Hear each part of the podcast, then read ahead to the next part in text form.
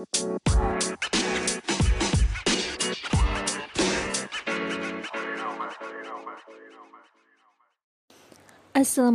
warahmatullahi wabarakatuh.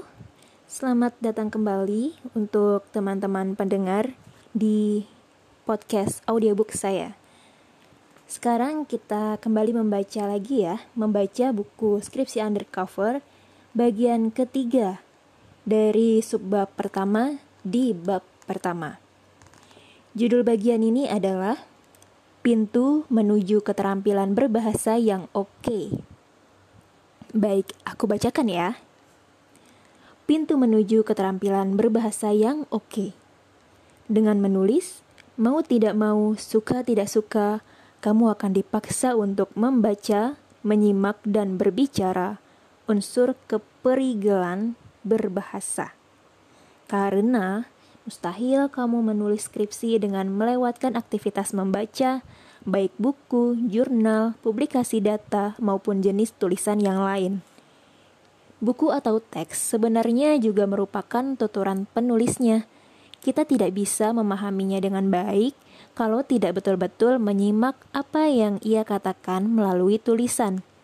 Ingat, menyimak berbeda dengan mendengar.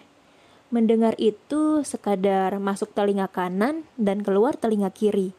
Sedangkan menyimak ada unsur yang sengaja direkam oleh otak, diproses, dan diputuskan apakah akan diingat atau dilupakan.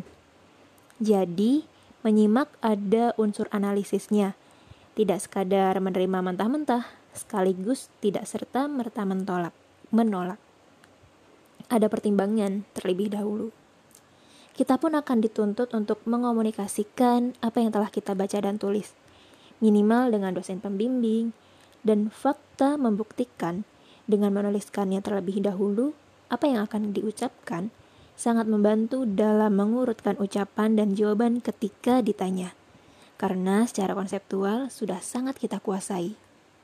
Berkaitan dengan hal tersebut, saya mempunyai sebuah kisah tentang seorang teman. Sebut saja Faidah.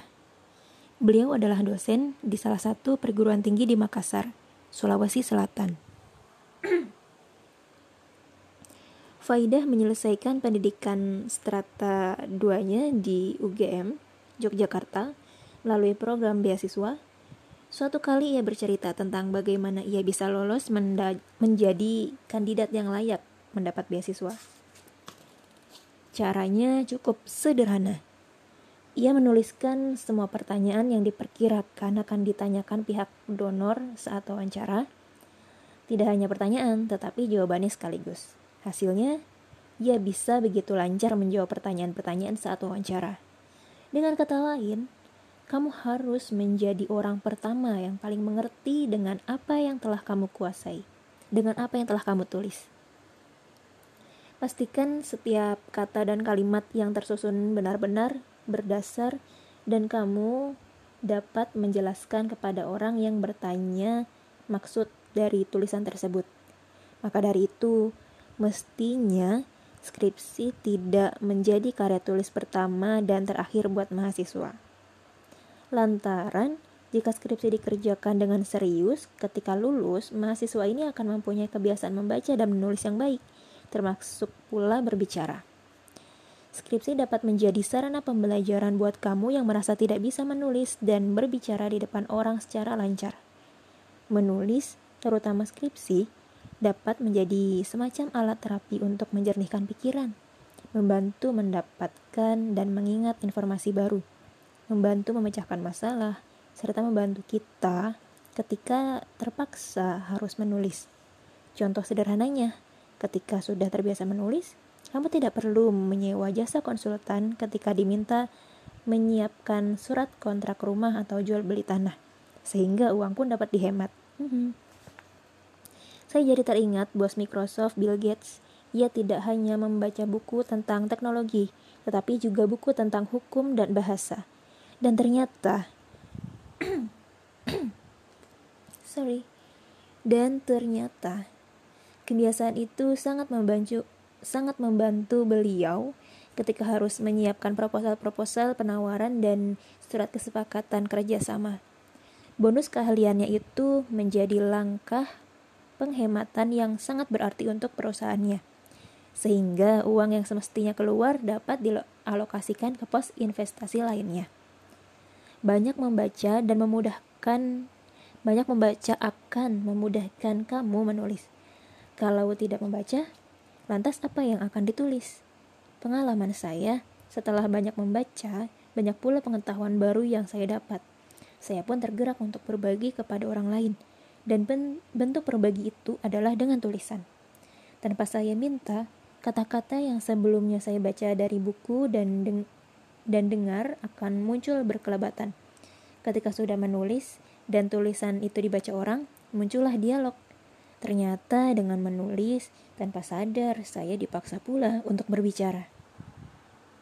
Kalau sudah lancar menulis, insya Allah akan lancar pula kita berbicara karena detail pemikiran telah tertuang secara apik dan urut melalui tulisan. Pada titik ini, dapat kita ambil kesimpulan bahwa seorang mahasiswa yang betul-betul mengerjakan skripsi dan menikmati tiap prosesnya, mulai dari penelitian, pencarian data, mencari literatur, menentukan alat analisis hingga bimbingan dengan dosen secara intens ketika ia lulus dan sudah diwisuda, ia tidak akan menjadi sarjana yang gagu. Ia akan lancar menulis, cascis berbicara, tekun menyimak, dan khusyuk membaca. Sebaliknya, seorang mahasiswa yang sudah dinyatakan lulus dan diwisuda tetapi logika berpikirnya masih kacau, berbicara berlepotan, tidak pandai menyimak, dan jarang membaca, maka dapat dipastikan ketika mengerjakan skripsi, ia tidak serius. Mahasiswa seperti ini, satu bulan setelah wisuda, secara iseng, coba kamu tanyakan, apa gagasan pokok skripsinya? Dijamin sudah lupa. Baik satu bagian, sudah aku baca. Insya Allah, podcast selanjutnya akan aku baca lagi bagian selanjutnya. Uh, subbab selanjutnya maksudnya. Maaf ya kalau dari tadi aku ada miss saat membaca atau ada batuk-batuk sedikit. Semoga nggak nggak begitu mengganggu. Mudah-mudahan teman-teman yang yang sempat mendengarkan podcast ini bisa tetap mengambil poin-poinnya makna-maknanya dari tulisan Kak Agus M. Irham ini. Karena ini bukunya sangat bermanfaat banget untuk kita yang lagi berjuang skripsian ataupun untuk adik-adik yang masih semester awal ataupun untuk kakak-kakak yang udah lulus tapi mau mengingat-ingat lagi masa-masa perjuangan skripsinya. Ya untuk siapa pun ini buku yang recommended banget sih dari penerbit Pro Media keren keren banget Oke, sampai jumpa lagi di podcast selanjutnya. Terima kasih sudah mendengar. Wassalamualaikum warahmatullahi wabarakatuh.